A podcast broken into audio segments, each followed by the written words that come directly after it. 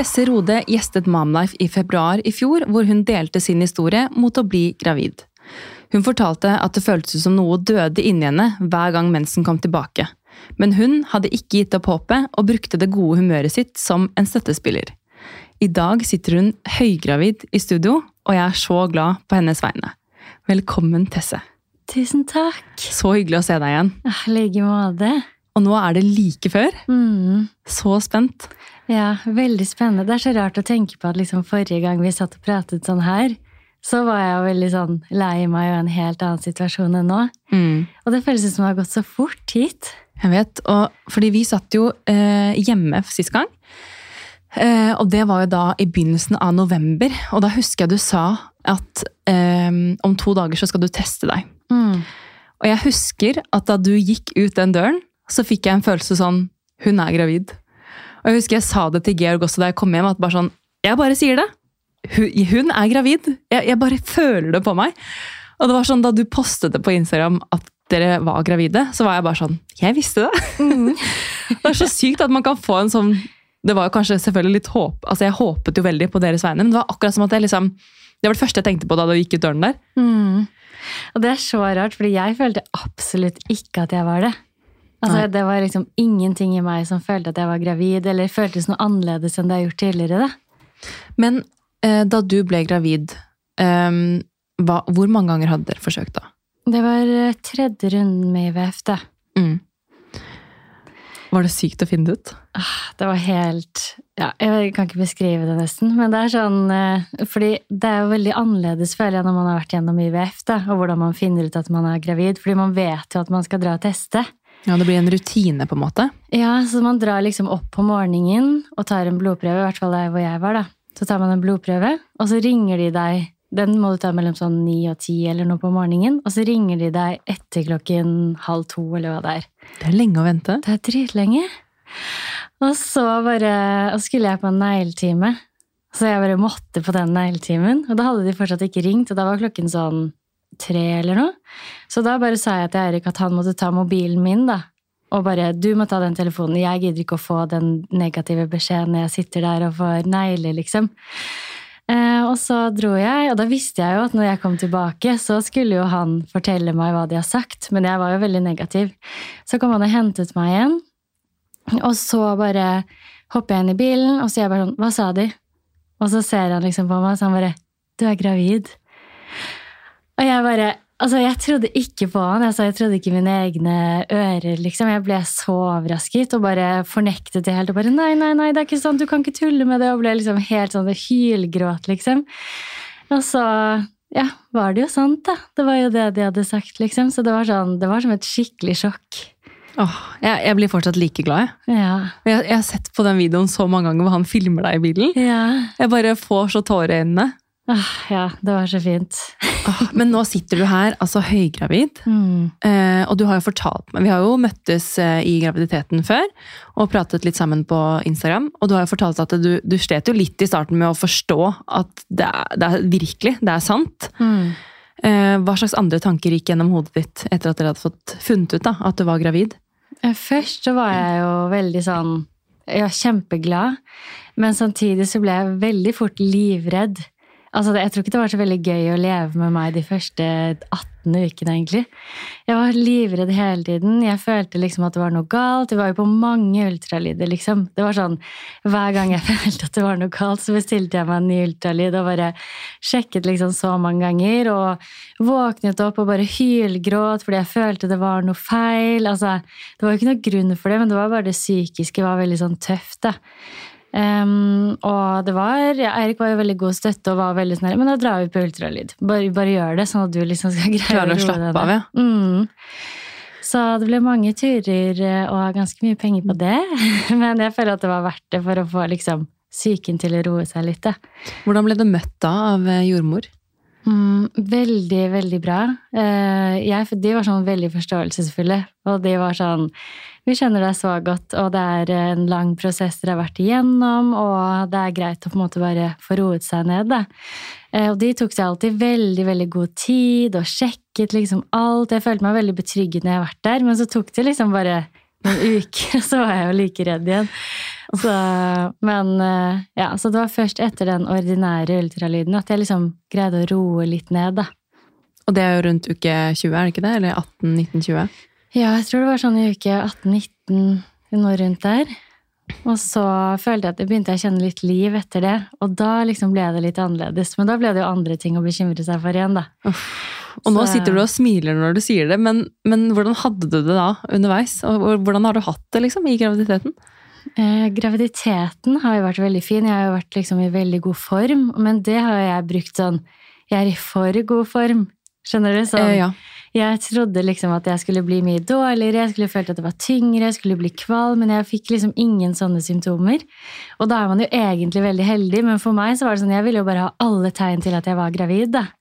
ja, sånn ja. At du Mm. ville på en måte kjenne symptom for å vite at alt var greit, på en måte. Ja, men så er man jo egentlig veldig heldig når man har det veldig fint i graviditeten og ikke har, er kvalm eller ikke har det dritt. Da. Jeg hadde ikke så lite energi heller, så jeg bare ble sånn lette etter symptomer på en måte, som ikke var der. da. Det er rart hvordan man bare går inn i en sånn tilstand og bare Det er litt sånn unntakstilstand, da. Mm. Man er jo litt sånn egentlig utenfor seg selv.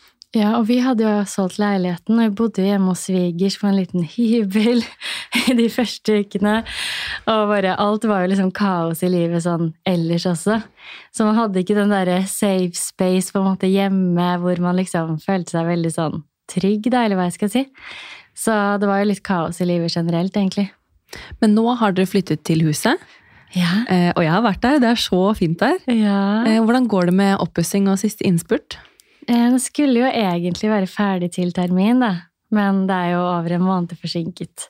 Selvfølgelig. Så det er jo, vi bor jo kjempelite nå, for den ene etasjen er jo ikke ferdig. Vi får jo ikke begynt på noe barnerom eller gjort de tingene som jeg liksom hadde sett litt frem til. Da. Og jeg vet jo det er jo ikke viktig at hun har et rom når hun kommer, men det er liksom følelsen av å bare gjøre det klart. Jeg skjønner hva du mener, for nå er jo du inne i den derre nesting-perioden hvor i gåsetegn alt må være perfekt. Kjenner du på den? Åh, ja. Jeg føler det er helt gal. Og det er litt vanskelig også, siden man bor jo veldig lite. Vi har jo egentlig ingenting på plass. Så det er masse esker overalt, det er liksom fullt kaos. Vi har jo ingen garderobeskap, for de skal jo bygges. Så det er liksom helt kaos. Men jeg prøver liksom å finne småting jeg faktisk kan gjøre, da, og fokusere på det og tenke sånn at den perioden her med kaos den kommer vi til å se tilbake på og liksom synes er litt morsom når det er over. Det er jo ikke sånn at vi kommer til å bry oss om den om et år, liksom. Nei, og det er jo ikke sånn at det skal være sånn for alltid, men det er bare litt sånn Jeg husker, eh, husker vi også pusset opp kjøkkenet vårt da jeg var gravid. Eh, Og da var det litt sånn Jeg kunne ikke fått pussa opp det kjøkkenet fortere. For du, du er liksom litt utålmodig, og du vil bare ha ting på plass. Enda egentlig så er det jo ingen som bryr seg. Det er bare at eh, hormonene kanskje kicker litt inn, og så får du for deg at eh, til og med det skal være brettekanter på bokserne til kjæresten din, liksom. Ja, ja, det er helt utrolig hvordan man blir. Men så er det jo også sånn her, siden nå har jeg gått inn i permisjonen. Og da vil man jo gjerne slappe av hjemme og liksom nyte det. Men så er jo fullt oppussingskaos. Det er liksom stillas utenfor hvor folk går liksom overalt. Det er ikke mye zen-mode hjemme hos deg. Virkelig ikke. Så det er litt sånn utfordrende, det. Men eh, ja, det er jo litt gøy, og det kommer til å bli veldig fint når det er ferdig. og sånn. Det er nettopp det. Det er godt du ser lyset i tunnelen. Jeg gjør det, altså. Men hva gjør du for å, å hvile deg om dagen? da? For det er jo viktig med hvile nå siste innspurt. Hva Mhm. Klarer du å slappe av? Jeg er veldig dårlig på det. Eh, sånn, jeg føler, Siden jeg er i så god form òg, så liksom bare kjører jeg kroppen litt for hardt, kanskje. Eh, og bare tenker at jeg kan gjøre alt. Men nå har jo på en måte kroppen begynt å si ifra mer. At jeg kjenner at ok, det var kanskje litt mye, nå burde jeg kanskje gå og slappe av litt. Men vi har jo heller ikke noe sofa eller TV eller noe, så jeg må jo liksom ligge litt på sengen eller et eller annet sånn, da. Så det er jo ikke så mye tid for å slappe av. Men eh, ja, litt småting her og der, egentlig. Jeg husker folk sa til meg sånn rett før, for jeg, også, jeg kjenner meg veldig igjen eh, i det du sier nå, at man liksom i og med at formen var så god, så tenkte man sånn ja, men jeg trenger da ikke å ligge i senga hele dagen, liksom, jeg har jo energi. Eh, så husker jeg jeg fikk liksom flere kommentarer på sånn ja, men se en serie nå, for det blir det ikke noe tid til senere. Og liksom gjør ditt og datt. Så er det sånn, jeg fikk jo til det òg, men det var bare det at den tiden her har du jo bare deg selv å tenke på. Men så vil man jo egentlig bare ha den babyen i armene sine. Så det er litt sånn rart at liksom, de tankene mikses litt. Er Får du mye sånn kommentarer fra folk som mener sånn velmenende råd? Ja, det er så mye av det, og det er sånn her, nå kommer livet til å forandre seg for alltid, og det blir aldri det samme igjen, og det blir så slitsomt, og det er liksom veldig mye sånt, føler jeg. Du får bare lukke ørene. Ja, det er det jeg tenker. Jeg tenker at alle må bare gjøre sine egne erfaringer, og at det blir slitsomt, det er man vel forberedt på når man skal ha et barn, tenker jeg. Eh, Men det er jo litt sånn å gjøre sine egne erfaringer og finne sine egne rutiner på ting, da, er viktigere enn å bare tenke at alt blir så slitsomt og at livet forandrer seg. Det er jo en grunn for at man vil ha barn, og da vil jo livet forandre seg automatisk. Nettopp. Det er veldig godt sagt. Men du, litt tilbake til, eh, til dette med graviditeten. For jeg er litt sånn spent på å høre hvordan familie og venner og sånt reagerte da dere fortalte det. Eh, Ja, vi fortalte det jo veldig fort til de nærmeste, da, siden de visste jo at vi var i den prosessen. Eh, Men de ble sykt glad. Altså sånn skikkelig, skikkelig glad eh, på våre vegne og gledet seg masse. Så det var bare positive tilbakemeldinger. Men det er jo også den der, jeg merket spesielt kanskje mamma, da. Hun ble jo veldig glad, men også veldig redd for at det skulle skje noe. Mm. Um, så jeg tror når prosessen også har vært så lang at man tenker sånn Alle bare krysser fingrene for at det skal gå bra, da. Det skjønner jeg. Men kjæresten din, da? Eller mannen din? Ja. Han også ble glad? Ja, han, ja, han har vært helt fantastisk i hele graviditeten, syns jeg. Eh, men han ble skikkelig, skikkelig glad, og ikke noe sånn derre Jeg så for meg kanskje at han skulle bli litt mer nervøs, skjønner du, men jeg føler at han har bare tatt det veldig sånn bra, og han var jo klar over hva vi gjorde da vi gikk inn i IVF. Ja. Så jeg føler at det var, det var ikke noe sjokk sånn sett. Det er veldig spennende, for nå sitter du her høygravid, det er tre uker til termin. Altså, hvordan forbereder du deg? Både sånn mentalt, og er det noe spesielt du gjør? Eh, sånn, I forhold til fødselen så har vi i vært på sånn fødselskurs. Var du på det? Mm. Skal dere på Ullevål, eller? Ja. Ja. Så vi var på fødselskurs der, da. Eh, og det syns jeg egentlig var veldig bra. På en måte så ble jeg litt mer redd, egentlig. Men samtidig også fikk man mer sånn oversikt over hva som faktisk skal skje, da. Ja, jeg husker jeg syntes det var veldig nyttig, og så husker jeg at eh, kurset var liksom nede ved resepsjonen. Eh, var det det da du var der òg? Eh, ved barsel der. Og da husker jeg det kom liksom barn, eller altså nybakte foreldre med bitte små barn ned, og da husker jeg bare at det, tårene sprengte på, liksom, for da skjønte jeg virkelig at sånn shit, Ja. nå nærmer det seg, liksom. ja, og jeg følte meg også veldig rørt når jeg var der. Det var sånn Mm. at Når hun snakket liksom om fødselen, så kunne jeg nesten kjenne at jeg nesten begynte å gråte. Det var veldig sånn rar Det ble veldig følelse. virkelig for deg, kanskje? Ja, jeg tror det. Og det var også en annen ting jeg må si som jeg har gjort under graviditeten. er jo, Jeg har gått på sånn gravidyoga. Og da var det sånn Første gang jeg liksom skulle dra dit, det var jo ganske sånn Jeg husker ikke hvilken uke det var, men ganske tidlig, da. Men liksom fortsatt sånn safe langt, på en måte. Eh, og da bare satt jeg liksom der før det begynte, og så kom liksom alle inn i rommet og liksom satte seg ned, og alle var jo gravide. Og så ble jeg sånn Hæ? Tenk at jeg er en del av de. Jeg liksom kan gå på gravidyoga. Jeg er gravid, jeg òg. Altså den følelsen. Jeg følte jeg måtte jobbe skikkelig med tårene for å liksom ikke begynne å hylgråte. Fordi man følte sånn endelig at man var en del av noe som man aldri hadde sett for seg at man kunne bli. da. Så det er sånn, Men det var også veldig fint, syns jeg, å gå på den yogaen. Så det anbefaler jeg veldig hvis man har mulighet til det der man bor, da. Det er bra tips. Eh, yoga er jo sikkert deilig både før og etter. Jeg kjenner at eh, ja, jeg skal bli litt flinkere til å meditere og, og ta yoga, for det, det gjør så mye med kroppen. Mm. Og spesielt sikkert når man er gravid også, da, da har man behov for å roe ned og komme i kontakt med seg selv. Ja, det syns jeg var veldig bra, faktisk. Men har du hatt noen sånn eh, cravings og sånn, da? Nei, faktisk ikke. Nei? Sånn, eh, ikke som jeg liksom vet, da, men det er sånn Når jeg har spist noen ting som er kanskje litt spesielt, og det er sånn type grønne epler, de syns jeg egentlig ikke er kanskje så gode. Men de har jeg spist sykt mye av, og mange klementiner og sånn når det var litt mer sesong for det. Men ellers så føler jeg ikke at jeg har hatt noe sånn spesielt som jeg må ha. Hadde Men litt du? deilig òg. Jeg husker ikke Jo, altså jeg hadde en liten sånn hangup på appelsiner. Ja. Eh, men jeg også husker at det, det, var- det var mye sånn frukt og liksom sånn fri, ting som er friskt. Altså Jeg husker jeg så for meg liksom sånn, ok, når jeg ble gravid, så vil jeg sikkert bare ha sånn dritt og bare sånn, å, løp og kjøp is til meg, liksom. Men jeg hadde veldig lyst på på en måte, hva skal jeg si, nyttige, eh, sunne ting. Men så var det jo boller òg, da. Ja, ja. Spiste veldig mye bakst.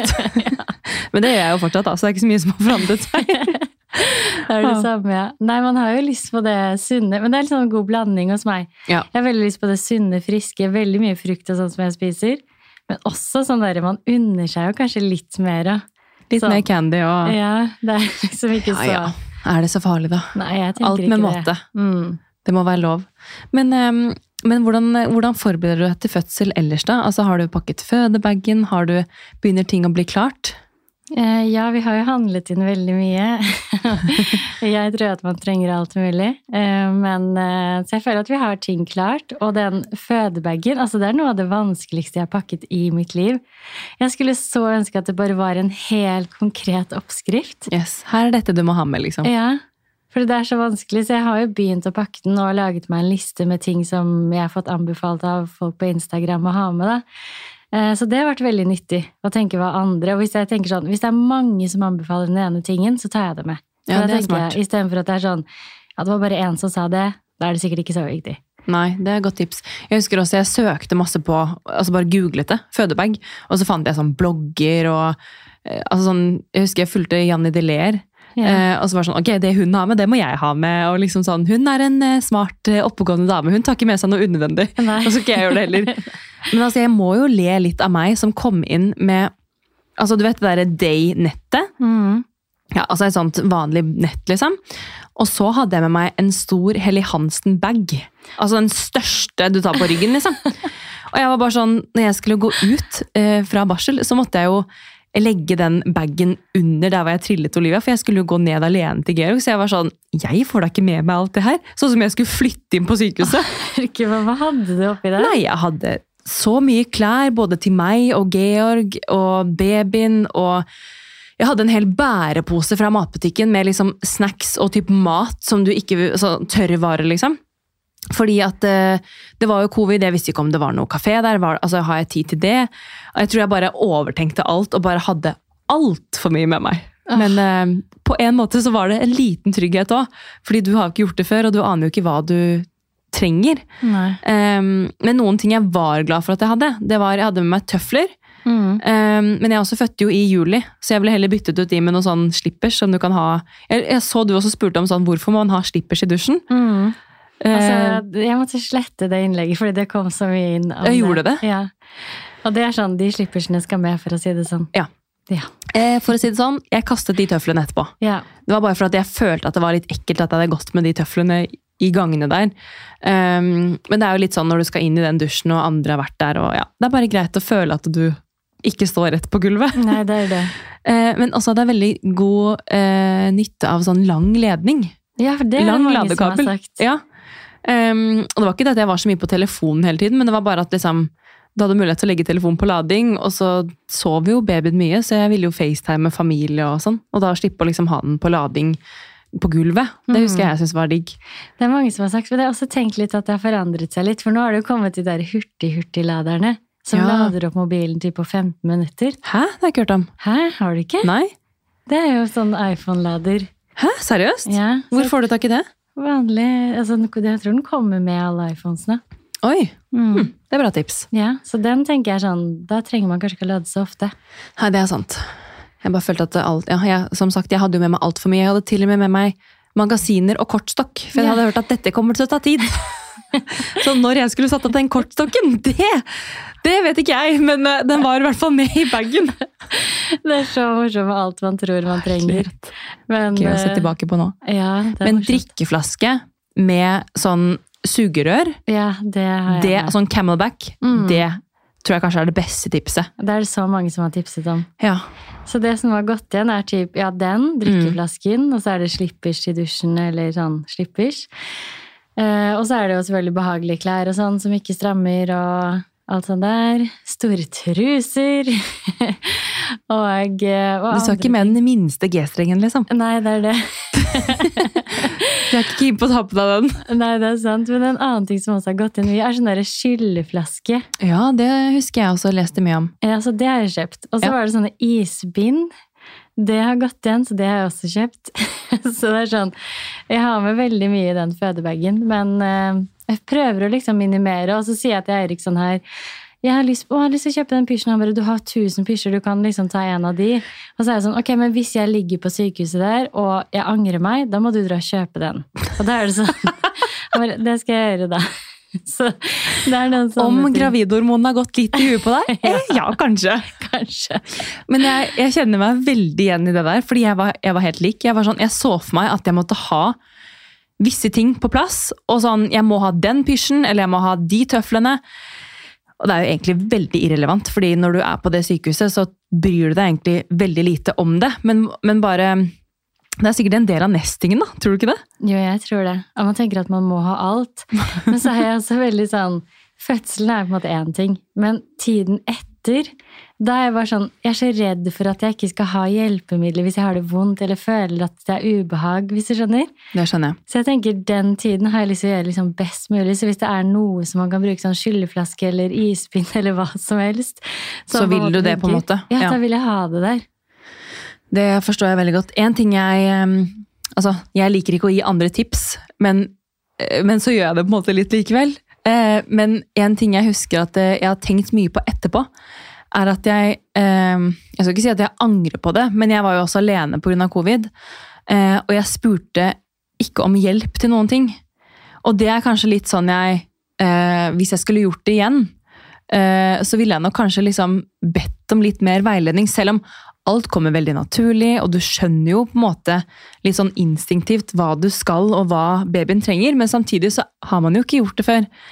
Eh, så jeg husker liksom jeg tenkte det etterpå, at bare sånn, hvorfor, hvorfor ringte jeg ikke bare på den tråden og, og spurte da Mm. om hjelp? Fordi er det en gang i livet du skal spørre om hjelp, så er det jo da. Sånn at ja, du liksom får at du gjør ting eh, Eller at du føler da, at du gjør ting liksom riktig fra første stund. Ja, jeg tenker at det er veldig lurt, ja. Men man, kan, man blir jo også sånn Ja, men jeg trenger kanskje ikke Kanskje jeg er til bry. Altså, den følelsen Ja, får man så fort. Tenk, sånn tenkte jeg. Jeg lå jo på rom med en, eh, en som hadde keisersnitt. Eh, eller først en, men hun dro liksom da jeg kom inn, og så en annen som hadde keisersnitt. Og da var det sånn, hun ringte jo masse, for å få, altså hun kunne jo ikke røre på seg. Um, eller trengte hjelp til ulike ting. Og da tenkte jeg sånn, jeg vil jo ikke ta opp tid fra f.eks. henne. Og jeg liker jo her eh, Det største problemet mitt nå er at sengen er for kort, men det er greit.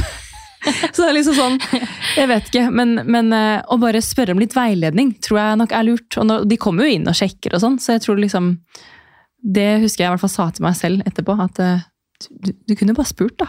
Hvis du lurte på noe, liksom. Ja, men Det er veldig bra tips, faktisk. Men du var jo alene. Det er sånn åh, det er så tøft. Ja, du klarer det òg. Altså, jeg fødte jo ikke alene, da. Nei, Men, nei, men eh, etterpå, liksom. etterpå. Og Georg var jo der på besøkstid. Men, eh, men eh, jeg tror jeg bare hadde forberedt meg på at liksom Nå må jeg bare være alene. Jeg hadde forberedt meg på til og med født, føde alene. Fordi jeg ville ikke bli skuffet, på en måte. Nei.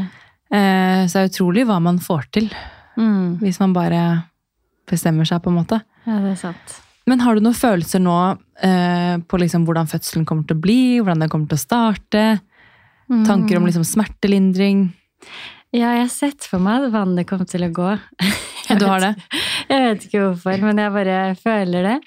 Splash! Splash, ja. Men så ellers så har jeg ikke så mange tanker om hvordan det kommer til å bli, egentlig. Eh, Jeg bare håper at jeg liksom ikke blir redd.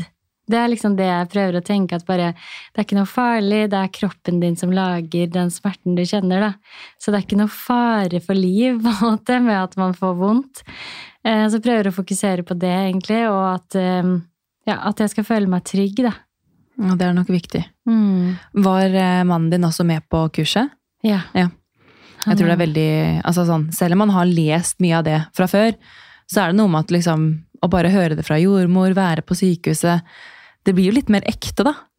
Ja, jeg føler ofte at vi damer da, er kanskje enda flinkere til å lese oss opp, og liksom er mer interessert i alle faser og alt mulig. Yes. Mens menn, å få bare et sånt kurs, fordi de vil jo gjerne ikke ha, eller i hvert fall ikke mannen min, da vil jo ikke ha noe sånn input bare fra masse forskjellige steder. Det ville ikke da- Georg heller. Nei, ikke sant? Så da fikk han det liksom fra jordmor. Sånn og sånn og sånn er det, sånn foregår det her. Og det ble veldig sånn ekte, så jeg tror nesten han fikk mer nytte av det enn meg, nesten. Ja, det husker jeg faktisk for oss også, at uh, han var sånn, ja, men Marie, du leser jo så mye. Altså, sånn, men jeg var jo så interessert, og jeg ville jo vite alt. Altså, jeg leste bøker, søkte på nett. Hvis jeg lurte på noe, spurte jeg jordmor, sendte melding. Og jeg følte på en måte at det ga meg en trygghet, da. eh, På å bare ha kontroll og vite ting. Mm. Kunnskap. Eh, Mens for han så var det litt mer sånn Han ville heller oppleve det for første gang sammen med meg. eh, Uten å på en måte ha hørt så mye fra andre. Det er kanskje litt sånn kjæresten, eller mannen din også tenker, da. At eh, Mm. man vil ikke liksom høre verken eh, solskinnshistorier eller eh, ting som har gått, altså fødsler som har vært helt forferdelige, da, eh, i gåstegn, fordi at man ikke ønsker å ha noen forventninger. Man vil bare møte eh, sin egen fødsel uten så mye ja, input, da. Det tror jeg òg. Og at de er mer skeptiske til hvilke kilder det kommer fra. på en Det måte. Ja, det er faktisk Så jeg det er litt, sluker jo alt. Jeg. Hvis noen sier at jeg burde ha med det, så er det sånn ok, da tar jeg det. Okay. Altså, sånn, det blir sånn. det er rart, det der, altså. Mm. Men hvordan håper du at fødselen blir, da? Eh, Jeg håper at eh, den ikke blir sånn altfor lang. Eh, Og så er jeg veldig åpen for smertelindring ut ifra hvordan den blir. Jeg er ikke noe sånn at jeg må ha det eller ikke skal ha det eller noe sånt. Så jeg bare håper at den ikke blir så lang. Og det beste hadde jo vært hvis man greide uten epidural, for eksempel. Da. Sånn, jeg bare ser for meg at det bare blir enklere da, på en måte. Ikke Hvordan da? smertemessig. Nei, bare sånn de fortalte på kurset, at man, da må man jo kobles mer til ledninger og liksom bli litt mer sånn låst, da. Eh, og litt mer sånn styrete, på en måte. Eh, men hvis jeg vil ha det der og da, så er jeg åpen for det òg. Da, Sånn, da ja. ringer du til eh, anestesi, og så sier du 'kom her'. Kom her. På plass! På plass, ja. Nå? Nei da, jeg vet ikke. Eh, Men jeg håper at, eh, at jeg føler meg trygg, som sagt. Det er det viktigste, tror jeg. Og da føler jeg at jeg kommer til å levere bedre, hvis jeg føler 100%. at jeg ikke er redd, da. Jeg hadde det på samme måte. Mm. Du virker jo veldig sånn Altså, du er jo en positiv person. Eller altså, du, har- du har et positivt mindset. I hvert fall sånn jeg har lært deg å kjenne, på en måte. Og det tror jeg er veldig viktig når man skal gå inn i en fødsel. At man på en måte eh, At man Jeg vet ikke. Altså, man får ikke gjort så mye med det som skjer, men at man på en måte forbereder seg på den måten man mener er best for seg selv, og går inn i det med et greit mindset. Da. Det tror jeg har mye å si. Mm. Jeg føler meg mer sånn spent og gleder meg enn veldig nervøs, hvis du skjønner. Det er bra, da. Mm. Hva, hvordan er mannen din, da? Gleder han seg, eller? Eh, ja, jeg tror han er veldig spent, men han er en veldig rolig person. Da. Jeg er mye mer hysterisk enn han. Eh, så jeg føler kanskje også derfor at jeg er litt tryggere og litt roligere, fordi han på en måte er så trygg og rolig, da. Ja. Så jeg vet at han ville aldri blitt skikkelig stressa, for eksempel. Nei, for det er, av dere så er det du som eventuelt ville blitt det. Ja, Så han, vanligvis er det han som roer ned deg, da. ja, ja. ja. 100 Altså, han, eh, hvordan tror du han blir under fødsel, da? Altså sånn, er, tror du, ser du for deg at du er sånn som vil at han skal holde deg, eller vil du liksom være for deg selv? Jeg ser for meg at jeg kanskje er sånn Nå ser jeg for meg at jeg vil at han skal liksom holde meg. Ja. Men jeg tror nok, hvis jeg liksom tenker nøye gjennom det, så er jeg nok mer sånn inni meg selv-typen. Jeg husker veldig godt at eh, jeg sa til Georg 'ikke se på meg'! Ikke se på meg! Og da var det bare sånn Jeg husker at det liksom var veldig sånn Jeg, jeg ville bare jeg, jeg tror jeg bare kom til et punkt hvor det var sånn Da nærmet det seg slutten, da, og da var det bare sånn Ikke se på meg! Ja, men det kan jeg se for meg at sånn blir jeg. Jeg følte bare sånn at jeg, jeg bare følte at han, hvis han ikke så, så klarte jeg å slappe av mer. For da ble det ikke noe liksom press på at jeg måtte levere. Herlighet. Ah, det er så mye rart som kan skje, føler jeg. Tenk deg de jordmødrene som tar imot barn hver dag, som sikkert ser veldig mye forskjellig. Ja, jeg tror de ser veldig mye sånn i parforholdet også, hvordan Yes. folk liksom behandler hverandre under stressende situasjoner. Ja. Da. Jeg, husker jeg var sånn Jeg bare, jeg håper ikke jeg liksom sitter og banner og eh, Men jeg hadde vært tydeligvis vært stille. Jeg så for meg at jeg kom til å liksom rope eller skrike, eller, men det var tydeligvis helt stille. Er Var Sånn, inni deg selv og konsentrerte deg sikkert. ja, sikkert. Mm. Men så husker jeg veldig godt det var en dame som eh, jeg møtte inne på Nå var ikke jeg på barselhotell, men på barselavdelingen. da. Eh, og hun bare sånn Ja, fødte du i går? Jeg bare ja. Ja, jeg hørte deg. Jeg var sånn ok! Seriøst? For da gikk hun ut i gangen og liksom skulle prøve å få satt i gang. da. Ja, Og jeg var sånn, ok, da kan jeg ikke ha vært så stille. jeg hørte det. Jeg bare, Hva mener du med det, liksom? Men det var litt sånn, det var litt rart. Det var veldig rart. Men jeg husker hun fortalte også at hun hadde veldig, veldig skrekk. Eh, Så hun hadde faktisk med seg mannen sin, enda det var covid, da, men hun hadde fått lov til å ha med seg mannen. Eh, Og da husker jeg at jeg Altså, jeg hadde jo veldig forståelse for henne, og at det var fint at han var der, men da husker jeg at jeg syntes at det var litt sånn kjipt at ikke jeg At jeg var der alene, på en måte. At hun Mm. hadde, for jeg så liksom at de var så fint team. Ja. Så det er sikkert veldig fint at dere kan være to. ja. Det ser jeg for meg. Det er litt avgjørende egentlig for min del, føler jeg. At vi er to, da. It takes two to tango, er det ikke det man sier? Det er noe med det. Men du, um, hva er planene deres i sommer, da? Altså, nå er det jo selvfølgelig baby og fødsel først, men eh, har dere lagt noen planer utover det? Um, nei, nå er det egentlig bare fødsel som står på planen. Og så tror jeg vi kommer til å være en del hjemme. Mamma kommer hjem, hun bor i Marbella, så hun kommer jo hjem. Pappa bor jo i, utenfor Trondheim, så han kommer også til Oslo en tur etter hvert. Og litt Koselig. sånn ja, familiebesøk og sånn. Eh, og så tenker vi at vi skal prøve oss en tur til Hvaler i august. For det er deres eh, sted. Det er der dere giftet dere og Ja, det er så morsomt. Der ble vi liksom sammen. Eirik fridde der, vi giftet oss der. Og jeg gleder meg så mye til å ha med babyen ditt. Ja, det skjønner jeg. Det kommer til å bli så fint. Det kommer å, du kommer til å være rørt i sommer. Ja, Sikkert. Det tror jeg. Og jeg er også lettrørt da, så det er eh, Ja. Samme her. Men har du noen tanker om hvordan du kommer til å være som mor, da? Det er jo sikkert veldig tidlig å, å, å snakke så mye om, men, men man tenker jo sikkert mye i den tiden du er gjennom nå, sånn rett før. Mm. Jeg føler at jeg kommer til å være veldig Jeg er veldig redd for at folk skal dø. Altså, det er veldig sånn rart å si, men jeg er veldig sånn hysterisk på det. Og det er sånn som jeg vet at jeg må jobbe veldig med. liksom. Jeg er sånn som vekker Eirik på natten fordi jeg er redd for at han ikke puster, for eksempel. Og det er sånn ja, helt sånn rart å gjøre, sikkert, men det er sånn Det jeg må tenke sånn med en liten baby, da. Så må jeg bare passe på at jeg kanskje ikke blir for hysterisk. Har du alltid vært sånn, eller er det nå, nå i graviditeten? Jeg føler at jeg alltid har vært sånn. Sånn livredd. så jeg vekker jo Eirik liksom ofte, og det er jo så altså, da vekker jeg, Det er ikke sånn at jeg liksom pusher litt borti han, jeg liksom rister igjen. Og bare Ja. er du der, liksom? Ja. Så jeg tenker at jeg kanskje kommer til å bli litt hysterisk, men jeg føler at jeg har veldig mye kjærlighet å gi, da. Så det, Det, det føler jeg òg. ja. Men kanskje det er noe som er lurt å, å bare nevne også bare for helsestasjonen. Fordi at eh, eh, nå har jeg hatt en gjest som jeg har pratet med om eh, blant annet fødselsdepresjon. Eh, og hun fortalte jo det at eh, hun var veldig redd for å prate om det til helsestasjonen. Mm. Eh, nå sier ikke jeg at du kommer til å få fødselsdepresjon, det er ikke det jeg sier. Men eh, sånne sånn litt irrasjonelle tanker som man får, Mm. det kan jo også sikkert forsterkes når man sitter der hormonell med et lite barn. Og jeg husker jo, jeg selv var ganske rik. Altså jeg var livredd for at hun ikke pustet. Uh, og det var litt sånn, Men så skjønte jeg etter hvert at jeg, man må jo bare uh, må jo bare la henne ligge i det nestet, eksempel. Eller, men så tror jeg det bare er litt sånn instinkt òg, da. Når du går fra å ha denne babyen inni magen til at den babyen er utenfor magen, så er du en sånn slags sånn Du vil jo bare passe på, da. Og se til at den babyen har det den trenger. ja, det er det. Så Men altså, jeg har vært, altså, jeg har vært lik selv, og det er sånn Jeg tror ikke jeg har noe sånn dødsangst, sånn som du kanskje beskriver, men eh, etter at vi fikk barn, så er det også sånn hvis Georg sovner på sofaen, eller jeg våkner og så ligger han med ryggen til, så må også jeg se til at han puster. Mm. Og det er sånn jeg har blitt etter at jeg fikk barn. Um, Tenk hvordan jeg blir da.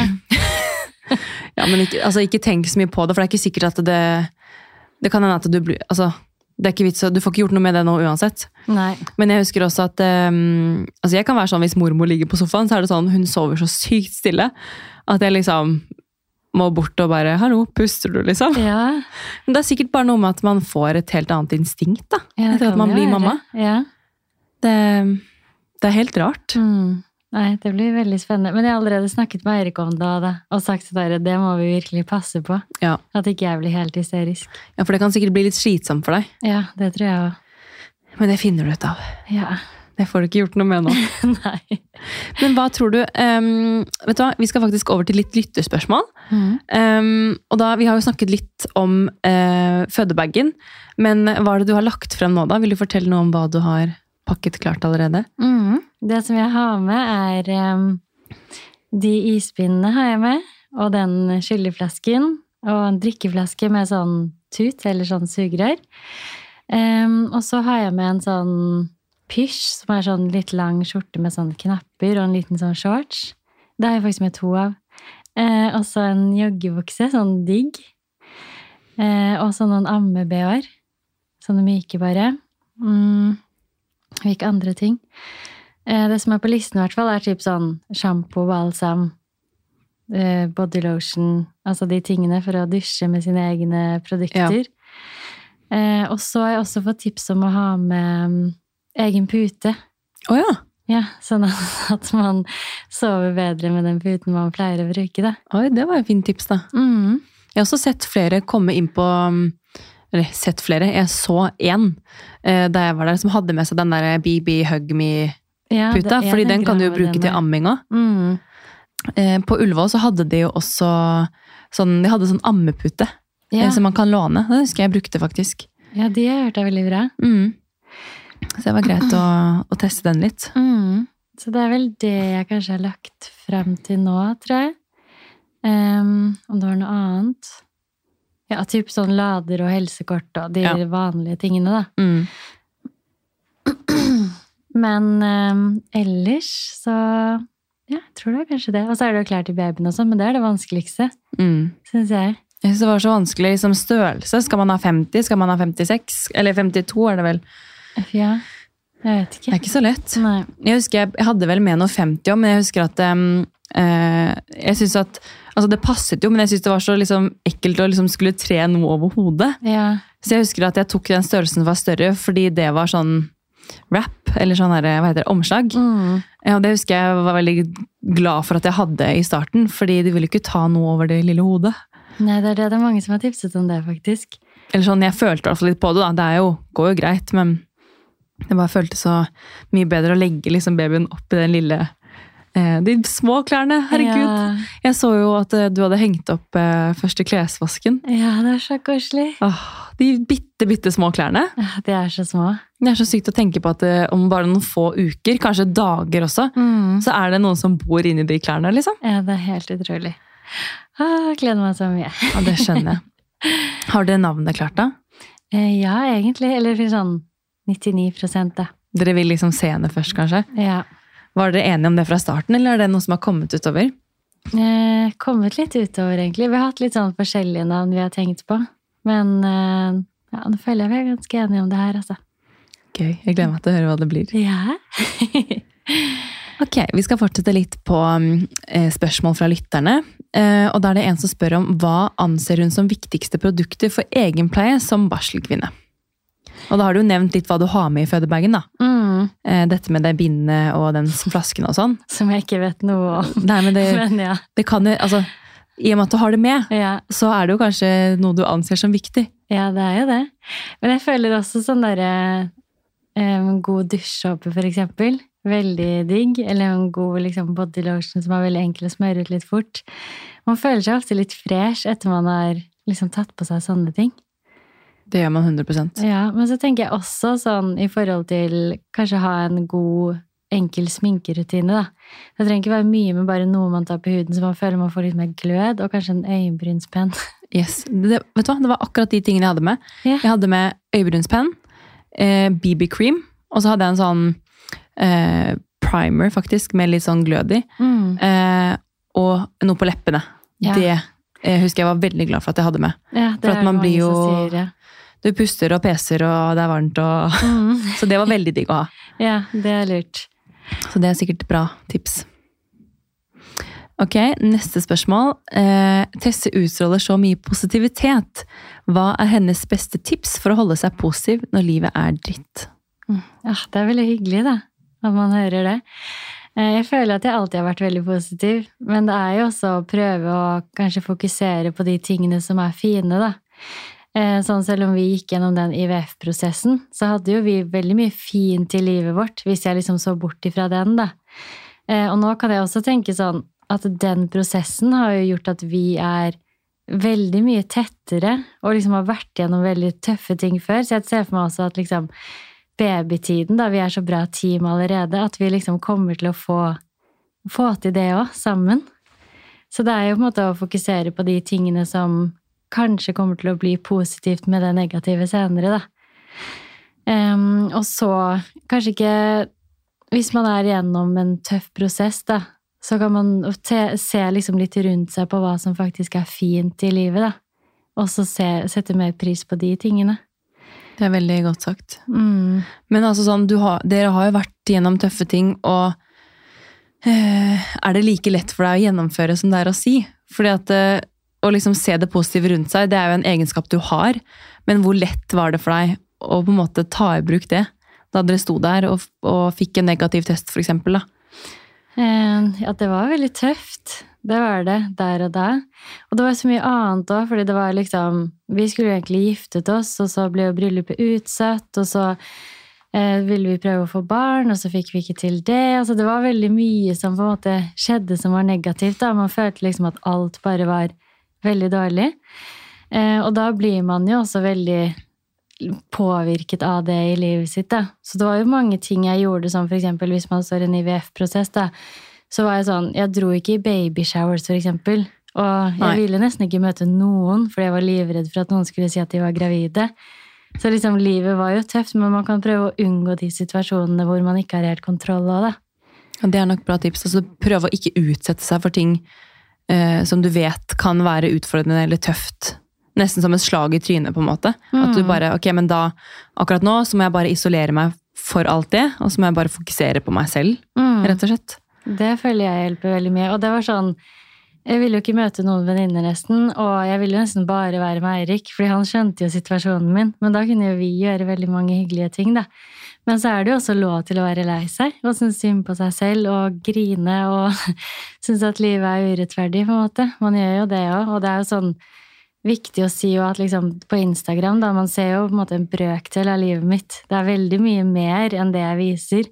Men jeg bare føler at den kanalen skal på en måte gi noe positivt til andre, og ikke det negative som skjer i livet mitt. Da. Men jeg føler jo også at ehm, hvis man går inn på din Instagram, så er det jo Og du har jo vært mye mer aktiv der kanskje i de siste årene også, etter at har- dere har vært gjennom IVF. Hvor du, det snakket vi jo litt om i den episoden du gjestet sist, så hvis eh, noen er nysgjerrig på det, så kan de høre på den. Men um, du ønsket jo også å dele om det vanskelige. Uh, og det føler jeg du har vært veldig flink til også på Story, og på en måte fortelle ganske ærlig om hvordan ting er.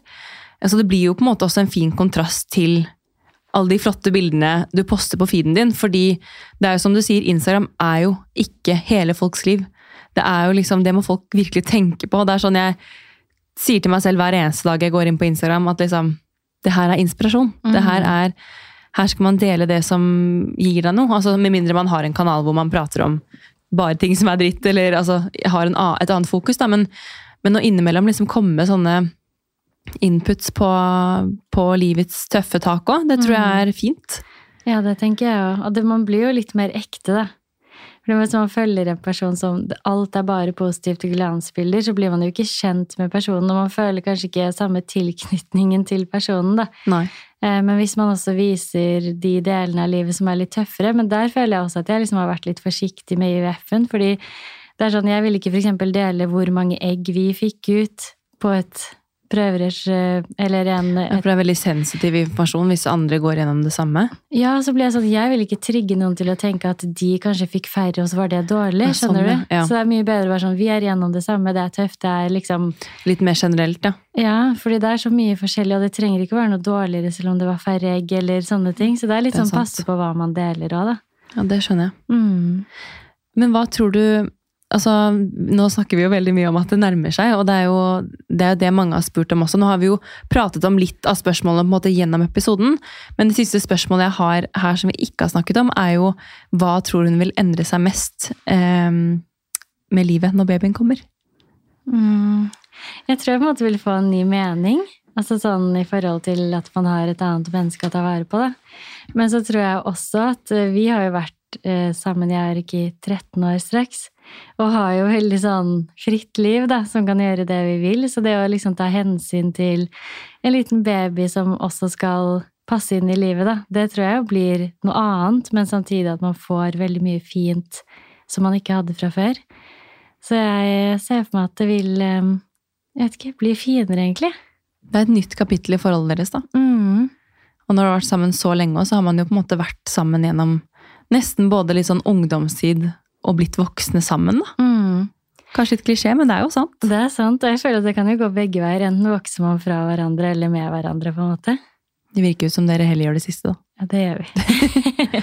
Men du, siste, siste ting jeg hadde på blokka mi her i dag, det er eh, noe jeg tar med meg fra en gjest som eh, tipset meg om at jeg burde ha Hot Mama-tips. Mm. Eh, og vi hadde jo tips litt tidligere på podden, men så ja, sluttet vi liksom litt med det. Men jeg tenker jo at det er fint å ta med seg på nytt nå, for nå har jeg jo nye gjester hver uke. Eh, folk bruker mye forskjellige produkter og kanskje har tips i hverdagen som gjør livet et, litt lettere. Mm. Så da lurer jeg på, Tesse, har du noen tips til lytterne våre? Eh, Jeg er jo veldig fan av selvbruning, da. Jeg føler at man ser sykt mye bedre ut når man bare får litt brunfarge. Eh, Og det kan jo være sånn en spray eller en selvbruning som man bare blander inn i dagkremen, eller sånn vanlig full selvbruning. Eh, For man føler seg freshere på en måte i alle klær, eller hvis man ser litt sliten ut ellers. Hvis man har litt farge. Så det vil jeg si er mitt beste tips. Veldig bra. Hva slags, eh, har du noen merker eller produkter du vil tipse om som du bruker? Jeg er veldig glad i den Saint-Tropez Express. Som er den, eh, den kan du ha på én, to eller tre timer, og så vaske av. Så slipper man å gå liksom i åtte timer og på en måte tørke den inn da, og stinke. Er, det- er det sånn mos, eller er det Eh, Ja, Ja. det er det. Som man smører på med sånne hanske. i ansiktet òg? Jeg tar den i ansiktet òg, ja. Ja. Du ser veldig fresh ut. Takk. Men du, med det så må vi avslutte dagens episode. Jeg vil egentlig bare ønske deg masse, masse lykke til. Eh, og jeg gleder meg til å følge med når babyen kommer. Tusen takk, og takk for at jeg fikk komme. God sommer! God sommer!